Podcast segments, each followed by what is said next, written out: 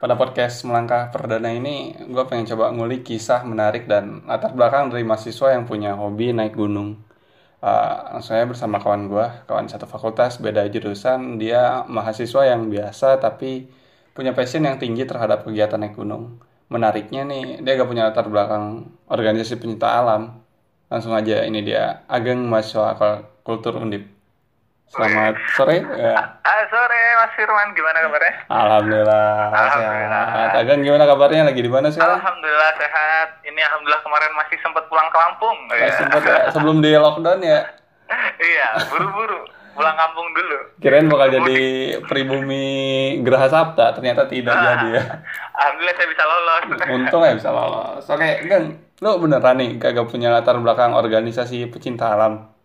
bisa dibilang nggak punya, tapi eh, suka gitu. Oh. Terus sejak SMP atau SMA sama sekali gak ikut ya kayak apa sih namanya Mapala kayak gitu nggak gak ikut? Soalnya belum ada man di SMA aku. Oh belum Mungkin ada. pramuka, pramuka Pramuka. Tapi lu waktu Iya. pramuka suka naik gunung apa enggak? di Lampung jauh dari gunung. ya mainnya cuma di hutan karet gitu doang, hutan tanaman. Oh, menarik, menarik, menarik. Nah, eh gua kan cukup kenal gitu sama lo, suka banget naik gunung dan sebagainya. Nah, selama masa karantina ini, lo merasa tertekan nggak? Secara style lo kan kalau kuliah tuh pakai PDH yang penuh logo gunungnya, tas gunung, sampai sepatu-sepatunya gunung gitu. Gimana? Lo tertekan nggak? Sebenarnya nggak tertekan sih, kangen aja gitu. Kangen aja. Sampai-sampai kan kemarin aku ngulik-ngulik tas-tas carrier gunungku. Ya sambil inget-inget lah jalan sama tas. Iya, kan belum bisa jalan sama doi. Ya, Ah, dasar. Tapi gue penasaran sih nih, Geng. Sejak kapan lo punya hobi naik gunung? sebenarnya pertama kali kenal gunung itu di awal perkuliahan man. Itu waktu semester 1 diajakin naik gunung Ungaran. Hmm. Itu yang pertama banget aku mulai kenal gunung dan suka naik gunung. Berarti semenjak lo naik gunung Ungaran pas semester 1 ya? Iya, bener banget itu. Dan gue penasaran sih kenapa ya kan hobi kadang bisa kita samakan dengan jatuh cinta gitu. Wih, bener Dan sih, bener. apa yang bikin lo jatuh cinta waktu naik Ungaran? Apakah puncaknya atau kenapa lo bisa jatuh cinta waktu naik Ungaran sehingga sekarang jadi hobi? Mm-mm. Sebenarnya yang bikin itu ya bener sampai puncaknya. Setelah sampai puncak itu ada dua hal yang aku tanemin di diri aku. Pertama, aku suka sama puncak gunung. Kedua, aku harus ke gunung lagi. Eh, emang itu yang bikin keren banget. emang rasa apa sih yang datang ketika lo sampai di puncak gitu? Ra- rasa apa yang tiba-tiba memenuhi dada lo sehingga ya gue harus kembali terus ke gunung gitu? Ya, semua yang ada di dada kan berawal dari yang kita lihat gitu ya. Iya. yang aku lihat ketika sampai puncak itu waktu itu ketika masih pagi itu itu aku diliatin tuh sama landscape yang lagi kuning di ujung ufuk timur sana yang mulai melahap malam jadi ke siang. Itu keren banget man. Bener-bener lembayung kuningnya itu penuh di ujung sana. Terus baru kelihatan tuh pohon-pohon di bawahnya. Ada juga perkotaan yang bikin aku tuh jatuh cinta sama gunung. Keren pokoknya. Berarti seolah-olah eh, pemandangan di puncak tuh langsung ngehipnotis diri lu ya waktu itu. Iya bener banget tuh kayak bisanya cuman diem dan berkata-kata masya allah dan lainnya gitu pokoknya cuman untuk bersyukur gitu bisa sampai ke puncak gunung dan melihat sesuatu yang indah banget Hmm, mantap. Nah, sekarang kan ya lu lu udah masuk semester akhir gitu kan. udah tua berarti ya ya, masih muda juga sih kita ya. Asal jangan sampai jadi Oke. kepala sekolah aja kan di kuliah. Nah, gue penasaran nih. Itu kan lu pertama kali naik gunung Ngaran itu semester 1. Sementara sekarang udah Yoi. semester akhir. Udah berapa gunung sih yang lu pernah datengin sampai ke puncaknya? Jumlahnya ada berapa? Ah, satu dua tiga perkiraan 12 12. iya kalau nggak salah Wih, 12 Banyak Masih banget ya. sedikit, Cok. sedikit ini dibandingkan teman-temanku yang udah pro-pro Oh, tapi masih dikit ya. Tapi Oke. coba bisa lu sebutin nggak itu nama gunungnya apa aja yang pernah daki? semoga masih ingat ya Iya. Ungaran Ngaran. Terus Gunung Merapi, Merbabu. Habis itu ke Andong. Habis itu Perahu. Habis Perahu Sindoro Sumbing. Habis Sindoro Sumbing itu ke Gunung Kembang. Habis Gunung Kembang ke Gunung Peringgitan. Habis Gunung Peringgitan ke Gunung Lawu. habis Gunung Laut terus ke Gunung Ciremai hmm, udah itu berarti cuma sebelas ya sebelas mah 11. Berarti kurang satu ya. Tapi menarik juga nih kayak dari semua gunung yang lo sebutin tadi itu rata-rata gunungnya ada di eh, Jawa Tengah ya. iya bener Mer- banget Merapi juga itu perbatasan kan? Kecuali Iya. Ciremai ya, yang di Jawa Barat gitu. Yang setahu gua Ciremai emang di Jawa Barat, meskipun perbatasan juga. Nah, iya emang kayaknya lu punya motivasi tersendiri nih buat ngedaki semua gunung di Jawa Tengah. Emang lu punya motivasi seperti itu? Sebenarnya kalau yang di Jawa Tengah itu waktu lagi muncak di Ungaran tuh man, tiba-tiba tuh ada yang bilang, Geng, kita selesaiin dulu Jawa Tengah. Itu temen aku tuh waktu di Ungaran. Setelah aku bilang ke temenku itu, kalau aku katanya bakal susah naik gunung. Terus dia tiba-tiba bilang gitu, yuk kita selesaiin Jawa Tengah sampai kita akhir kuliah. Gitu. Hmm, jadi berarti sebelum lu wisuda eh, harus udah kaki lu harus menjejak di semua puncak gunung di Jawa Tengah ya. Oh harus, eh kalau bisa. Tapi masih kurang satu gunung lagi gak sih? Apa sih itu Selamat ya yang belum? iya itu atap Jawa Tengah itu. Oh, Selamat atap Jawa Tengah, bukan Merbabu. Iya. Kalau bukan, selamat atap Jawa Tengah. Kenapa lu belum ke Selamat? Selamat itu sebenarnya udah ada rencana man. Kalau nggak salah tuh Maret itu aku udah rencana dan ternyata belum diizinkan. Masih ada pandemi ini gitu. Sebenarnya udah ada, udah mau sama siapa gitu. Oh, Tapi belum diizinin ternyata. berarti intinya tinggal satu lagi dan itu harus lu jajal ya sebelum wisuda. harus, itu Ya, harus. biar PDH yang sering lu pakai itu lengkap logonya ya gak sih? Waduh, bener bener. Nah, tapi kalau bicarain PDH lu, eh, baju lu yang biasa lu pakai ke kampus gitu, itu kalau boleh tahu logonya ada logo gunung mana aja sih? Nanti gue jarang merhatiin gitu. Uh, Oh, kalau itu sebenarnya logo, logo itu aku juga baru pengen beli itu uh, nggak dari awal banget ya. Kalau nggak salah itu dari mulai Gunung Perahu aku baru beli. Itu di belakang PDH itu masih ada tujuh gunung. Eh, Perahu, Merbabu, terus Sumbing, Sindoro, hmm, Kembang, Ciremai, satu lagi apa ya kemarin itu ya Ungaran, Mm, Ungaran. Ungaran. Ada tujuh masih tujuh. Masih tujuh, berarti masih ada yang kurang Iya. ya? Iya masih banyak. Oh, menarik nih. Nah, tapi gue penasaran di antara semua gunung yang pernah lu jajal, mayoritas di Jawa Tengah, Mhm. ada gak sih gunung yang benar-benar berkesan bagi lo? At least secara ceritanya, secara eh, perjuangannya, atau mungkin kisah lainnya seperti lu tersesat dan sebagainya. Ada gak sih gunung yang benar-benar berkesan bagi diri lu dan nyampe sekarang nggak bisa dilupain? Kalau yang nggak bisa dilupain itu pendakian nomor dua aku man. Wah, itu mana tuh? pernah mm-mm, tersesat di Gunung Merapi. Merapi. Wah, mm-mm. itu jadi ceritanya itu waktu ada badai, kita tuh posisi turun dari eh, Pasar Bubrah. Sebenarnya belum sampai Pasar Bubrah banget. Itu udah ada badai, jadi kami itu kalau nggak salah berdelapan orang langsung turun dari atas. Nah karena ini pendakian kedua kami ya, kami itu persiapannya masih asal-asalan gitu, masih belum masih belum inilah sesuai gitu. Jadi kita itu posisi summit attack ke atas itu nggak bawa jas hujan man. Soalnya waktu di bawah itu ternyata terang gitu. nah itu salahnya kami karena nggak bawa jas hujan. Jadi ceritanya karena ada beberapa perempuan juga, jadi diputusin gitu ada satu orang yang turun ke bawah buat ngambil jas hujan. Gitu. Dan kebetulan yang ke bawah itu aku sendirian. Sendirian. Berani Hmm. banget. Nah, itu kata aku juga nggak tahu juga. Karena aku setaunya jalan turun itu cuma satu tuh. Cuma satu doang dan mikirku nggak bakal tersesat. Dan da- nggak lama gitu, aku putusin, udah aku aja yang turun. Yang lain sambil jalan pelan, sambil hati-hati di jalan. Turunlah aku kan, set. Mikirku, wah ini jalannya tetap dan nggak bakal tersesat lah, ngikutin jalan aja. Dan ternyata di satu rute turun itu ternyata ada dua percabangan, man. Oke. Jadi waktu naik itu aku lewat kanan, waktu turun itu ternyata aku malah belok ke kiri. Hmm. Kenapa aku nggak ke kanan? Karena jalan yang ke kanan itu ketutup sama pohon pinus yang jatuh karena badai. Wah itu saat aku belok ke kiri tersebut, jalan yang bukan jalan waktu aku naik tadi, ternyata di situ jalannya udah beda banget man. Ya. Suasananya cuman yang aku lihat tuh cuman kabut sama pohon-pohon pinus besar-besar. Dan aku nyari jalan tuh ternyata nggak ketemu-temu man. Hmm. Jadi hampir sampai 15 menitan lah aku cuman di sekitar situ muter-muter muter-muter. Waduh ini kok nggak ketemu-ketemu. Wah itu udah panik gitu. 15 menitku. Apalagi suasananya mencekam ya, kabut-kabut kayak bener, gitu. bener banget.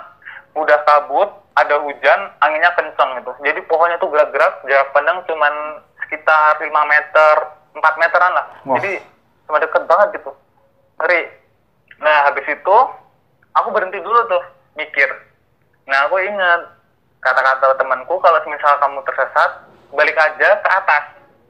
Jangan diterusin ke bawah. Soalnya kalau diterusin ke bawah itu nggak tahu nanti arahnya ke mana dan malah keluar dari jalur. Hmm. Jadi akhirnya aku naik lagi ke atas.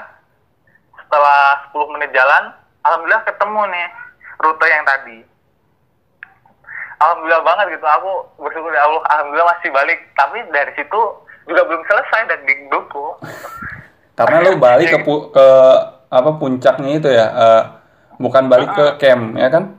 Belum. Jadi Oh. aku balik ke trekking ke atasnya, ke titik sebelum aku belok ke kiri jalan tadi, persimpangan tadi. Di situ aku langsung ngambil ke kanan yang penuh sama pohon pinus. Jadi aku harus lewat lewat bawah, ngelewatin pohon pinus yang udah tumbang itu. Merangkak ke gitu bawah ya. ke bawah. Mm-mm. Wah itu perjuangan banget, mana udah dingin dingin. Dan akhirnya ternyata benar. Setelah ngelewatin pohon itu aku ingat, oh ini jalan waktu aku naik tadi gitu. Akhirnya aku langsung turun ke bawah, turun ke bawah, turun ke bawah, langsung ngambil yang namanya jas hujan sama beberapa snack sama beberapa minuman. Takutnya kan dehidrasi di atas gitu kan. Iya. Walaupun gerak-gerak gerak kedinginan, takutnya butuh cairan juga gitu. Terus ya aku langsung naik lagi, jemput temanku, wah itu langsung sampai di tenda tuh aku cerita ke teman-teman pada ngakak semua, kok bisa, kok bisa gitu. Tapi Oh ya, kondisi teman-teman lu waktu lu samperin lagi gitu, pas di atas itu gimana? Eh, secara kan mereka gak pakai jas hujan, terus lagi badai kayak gitu, apa hipotermia atau gimana? beberapa yang perempuan sih udah kelihatan udah pucat, udah mulai pucat, udah mulai megangin uh, badannya masing-masing gitu kan, kayak kedinginan gitu loh, kayak tahu kan orang kedinginan itu Ya. megang megang lengannya masing-masing gitu kedinginan. Ya udah langsung dipakai, terus udah makan snack sebentar langsung, pokoknya harus dikejar langsung turun, jangan sampai berhenti berhenti buat uh, takutnya kena hipo kan kalau kita berhenti dan nggak gerak badannya kita nggak panas gitu. Hmm, Itu yang menarik. paling berkesan man.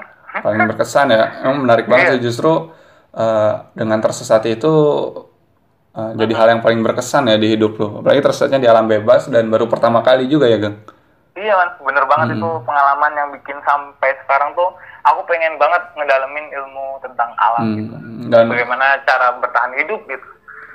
dan semenjak lu tersesat itu lu jadi lebih aware ya terhadap persiapan sebelum naik gunung, ya gak sih? Mhm.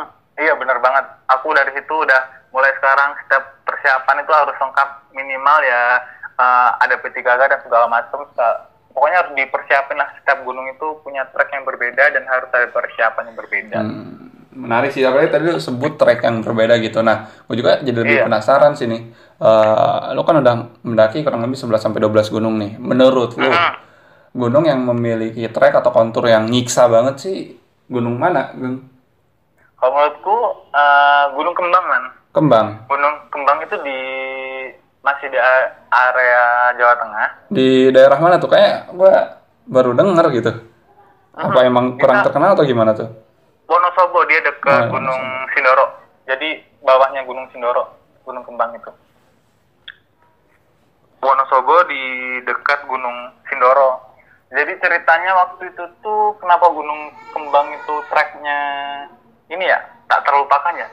Soalnya di trek Gunung Kembang itu man dari awal sampai atas itu sampai puncak kamu bakal disajiin yang namanya tanjakan terus. Tanjakan terus. nggak ada, iya bener-bener nggak ada landai-landainya.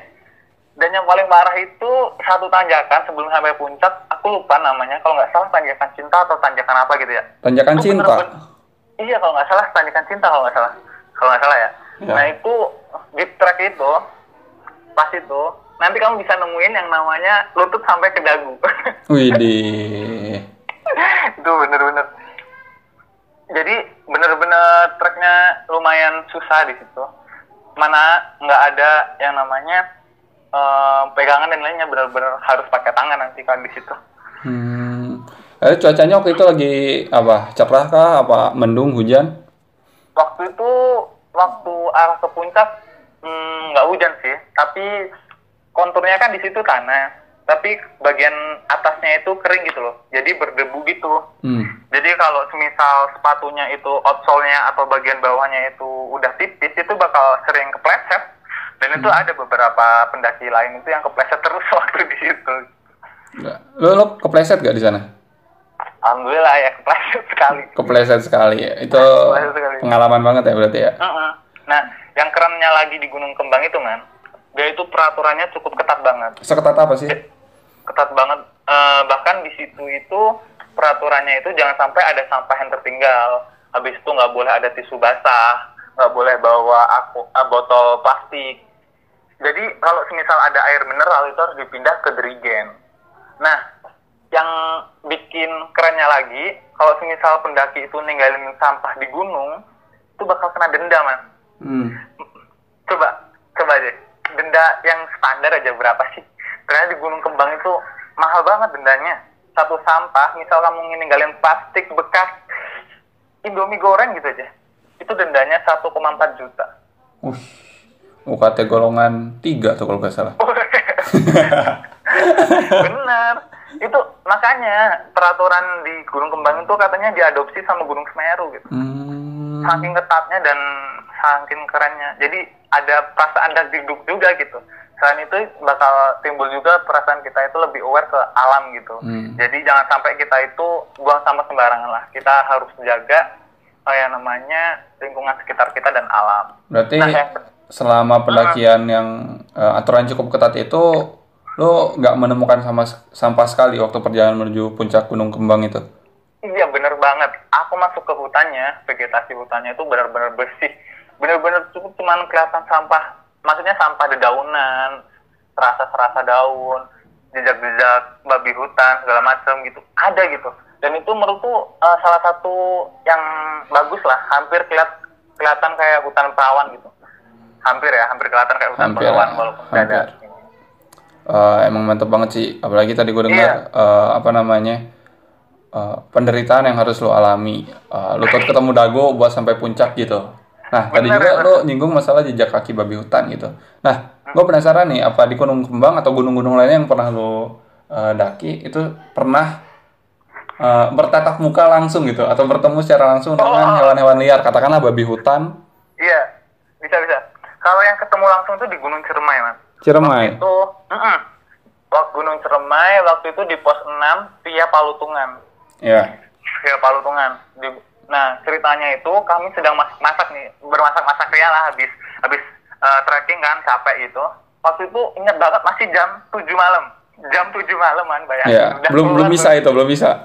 iya. Jadi habis selesai makan itu jam 7 itu selesai makan, tinggal beres-beres. Tiba-tiba temanku itu yang habis makan kan habis kencing itu. Ya. Dia keluar untuk kencing. Terus dia- dia tiba-tiba tuh bilang, eh, tiba-tiba dia teriak, babi hutan gitu kan. Langsung panik gitu. Dan karena kami panik ya, dan baru pertama ketemu babi hutan, anehnya itu kita langsung naik masuk tenda gitu. Langsung masuk tenda, bukannya pergi ngejauh gitu kan, biar nggak kena seruduk atau yang lain, kita tuh malah masuk tenda gitu. Ah, itu bener-bener parah dan kelihatan banget itu ya babi hutannya. Mending kalau cuma satu ya man.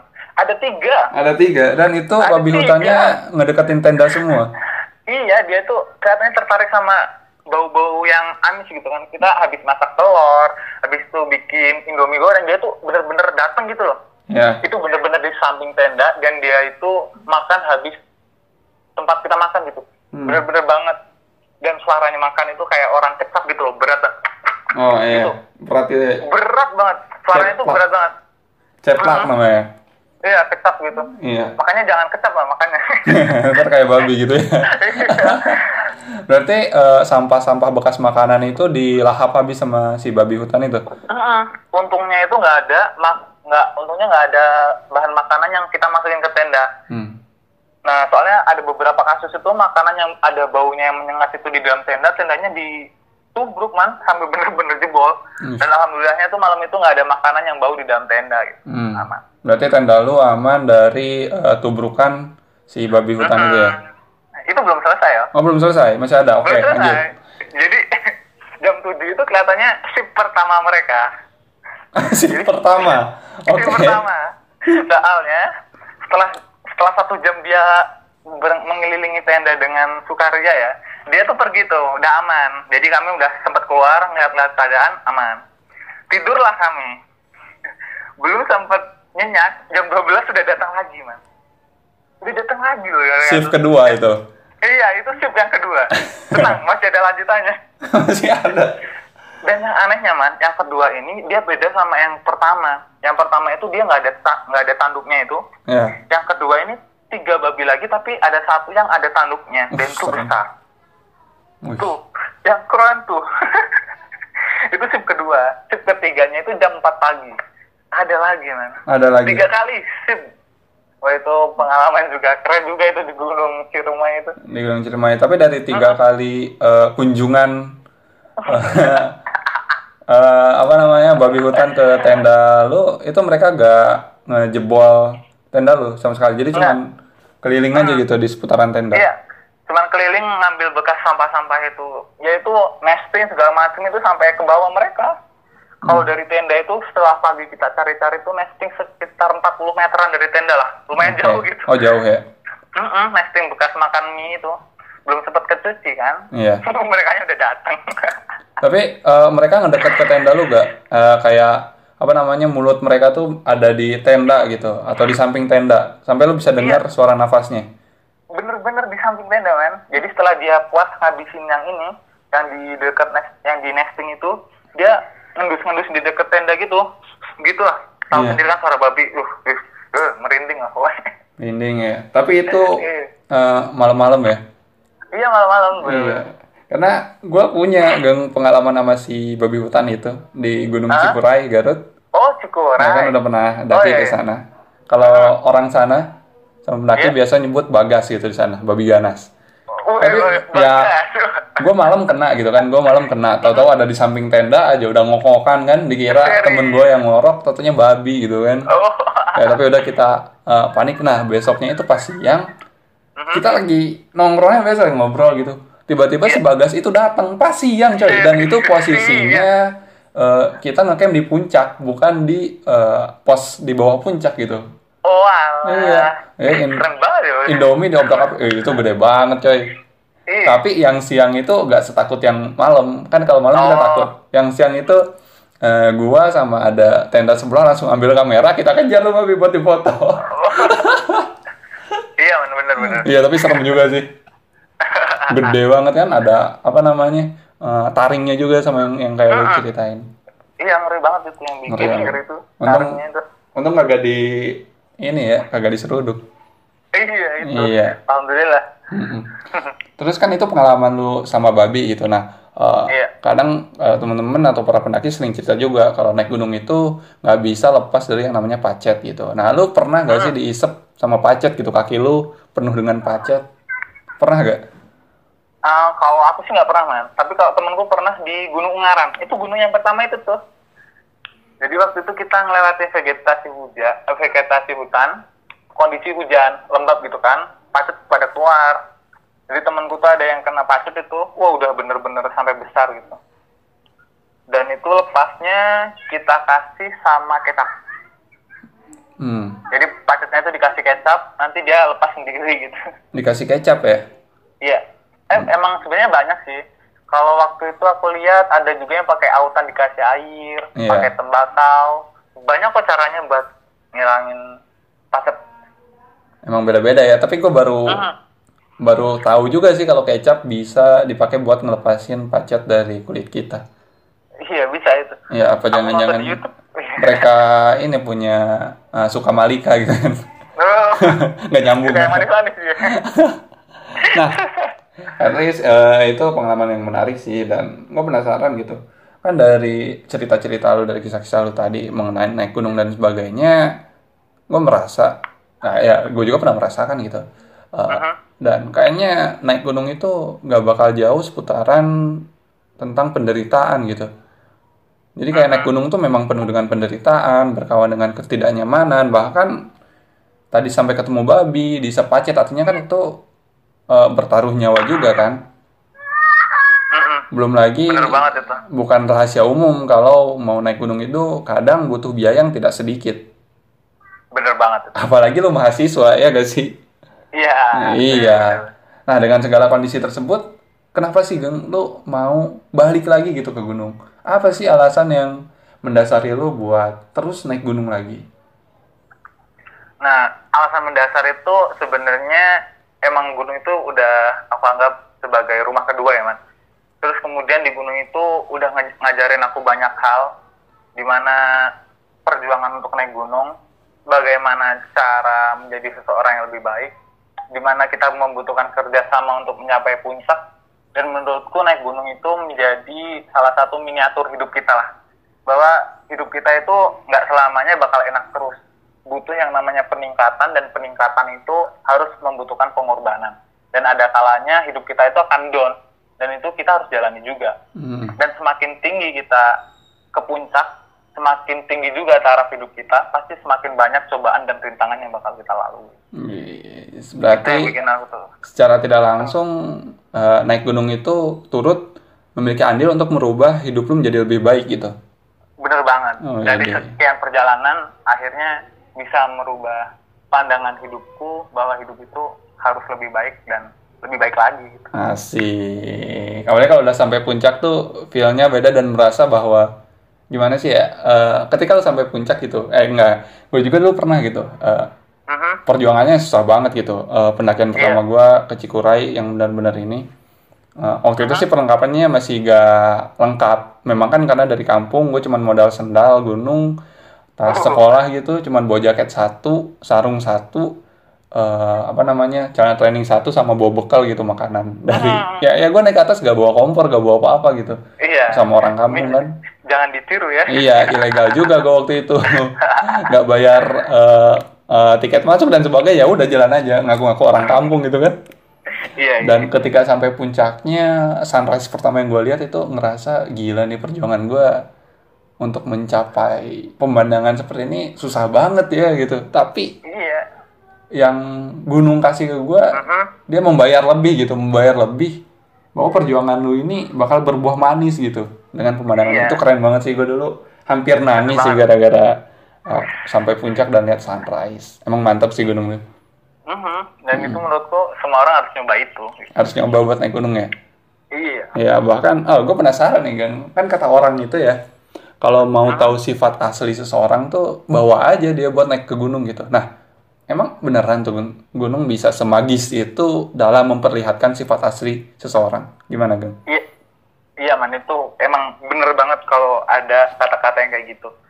Soalnya kalau menurutku ya seseorang itu bakal kelihatan sifat aslinya ketika dia dalam keadaan yang eh, lemah. Habis itu dia itu dalam kondisi yang tidak baik gitu, membutuhkan perjuangan dan dikala dia kelelahan. Seseorang yang kelihatannya pendiam bakal kelihatan banyak ngomongnya di gunung seseorang yang kelihatannya nggak peduli sama temen di perkuliahan, dia ternyata tuh seseorang yang paling peduli waktu pendakian.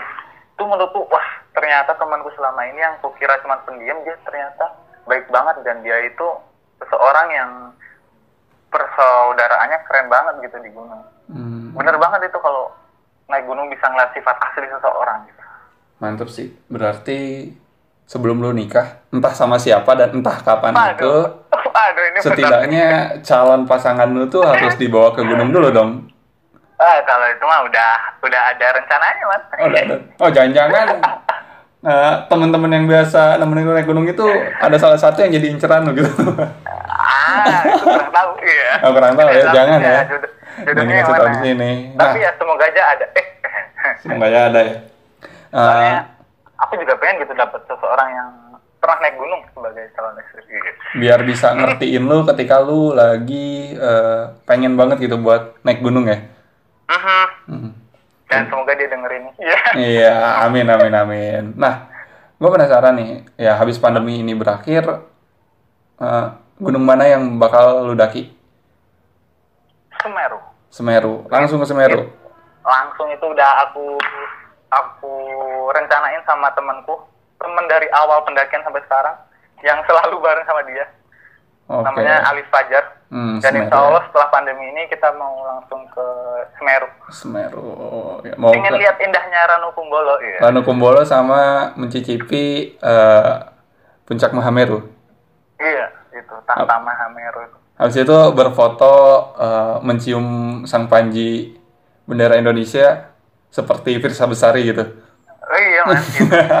ada satu buku man yang bikin aku tuh selalu pengen banget ke gunung Semeru namanya itu al- ini judulnya itu altitude 3663 Hmm. karyanya Azura Dayana itu tentang pendakian gunung Semeru dan itu membuatku pengen banget apalagi ditambah sama vlog-vlognya Bung Firsa aduh. Nah, intinya lu benar-benar harus eh, nyicipin atau naik melangkahkan kaki lu ke atap tertinggi Pulau Jawa. oh bener banget harus Iya.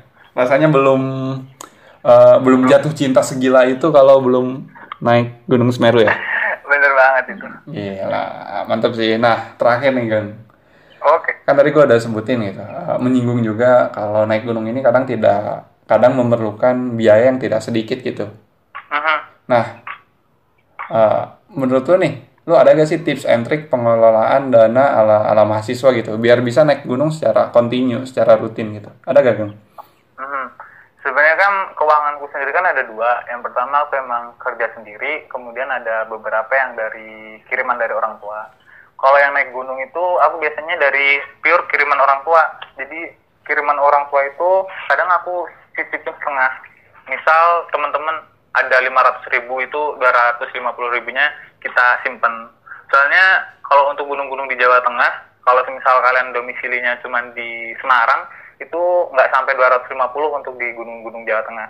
Tapi kalau semisal gunung-gunung yang lain, misal kayak Semeru itu kan semaksinya, arah ke sananya dan lain-lainnya itu perlu nabung yang lebih banyak. Kalau aku sih untuk nabungnya itu kebanyakan dari uang kiriman. Soalnya untuk kebutuhan hidupku di Semarang kan udah bisa dari uang kerja gitu. Hmm, berarti perlu nabung ya intinya gitu. Perlu nabung. Dan perlu punya teman juga. Jangan sampai mau naik gunung nyusahin temen ya. Iya. bayarin dulu dong, bayarin dulu. Jangan. Kalau jangan, jangan. alat-alatnya gimana tuh, Gang? Oh, kalau alat-alatnya itu sebenarnya kalian bisa perlahan aja, jangan langsung beli semua. Cari, eh, maksudnya hmm, beli yang kalian butuhin terlebih dahulu, yang kayak utama-utama, keril, sepatu, kemudian matras dan segala macam gitu. Jangan langsung beli yang banyak gitu. Nanti soalnya ketika kalian beli satu-satu itu nanti kalian tuh secara perlahan bakal tahu alat gunungnya bagus tuh yang kayak apa dan jenis yang kalian butuhin tuh yang kayak gimana yang gimana kompartemennya bagus yang sesuai sama tubuh kalian dan kesukaan kalian itu tuh bakal tahu gitu takutnya kalau udah beli di awal udah yang beli cukup mahal ternyata kalian nggak cocok gitu sama kompartemennya takutnya kan nggak sesuai itu aja Oke, Maksudku. oke. Mantap sih ini tips and trick dari salah satu penghobi, mahasiswa penghobi naik gunung Mhm. dari eh satu lagi man apa? tipsnya jangan terlalu ngandelin alat-alat outdoormu. Alat outdoor itu nomor dua, yang nomor satu skill, jangan lupa. Tuh. Dan ada tips ketiga lagi nih, Gang, dari gua, Gang. Ada lagi silakan. Sun. Cari kawan yang eh, punya hobi yang sama juga, karena dia yang bakal bantu Bener juga banget. sih. Iya benar banget, jangan sampai eh, sendirian harusnya temen hidup aja butuh temen. Iya. Iya. itu penutupnya keren banget ya. Jadi Oh, ya, oke. eh, kayaknya sampai sini aja eh, Wih, bincang-bincang siap. sederhana kita mengenai eh, alasan Ah. kenapa lu terus melangkahkan kaki lu ke gunung gitu. Iya. Karena ya banyak mahasiswa sekarang kan lagi memang lagi tren gitu eh, pendakian gunung. At least banyak yang mendaki hanya untuk eh, eh, mu- foto-foto aja terus dipamerin di Instagram atau pengakuan media sosial gitu. Ternyata Iya, eh, setelah gua diskusi berbincang sama lu, gua menyadari gitu bahwa alasan naik gunung lu ternyata gak seremeh itu gitu. Bener banget itu. Iya. Ya, pokoknya itulah. Jadi jangan lupa untuk naik gunung ya, Gang. Wih, bener. Apalagi sih? Harus sama orang temen yang udah pengalaman. Iya. Biar gak tersesat. Iya, jangan tersesat. Bahaya. Ya, pokoknya itu makasih Kang udah mau ngabisin waktunya Man. di Siap-siap. di ngabuburit ini. Jadi kita sekalian ngabuburit Oh, iya. sebenarnya. Siap, siap, siap, siap. Ya, makasih uh, untuk episode kali ini di podcast perdana melangkah. Uh, itu kita sudah mengulik mengenai alasan seorang naik gunung. So, sampai ketemu di episode selanjutnya.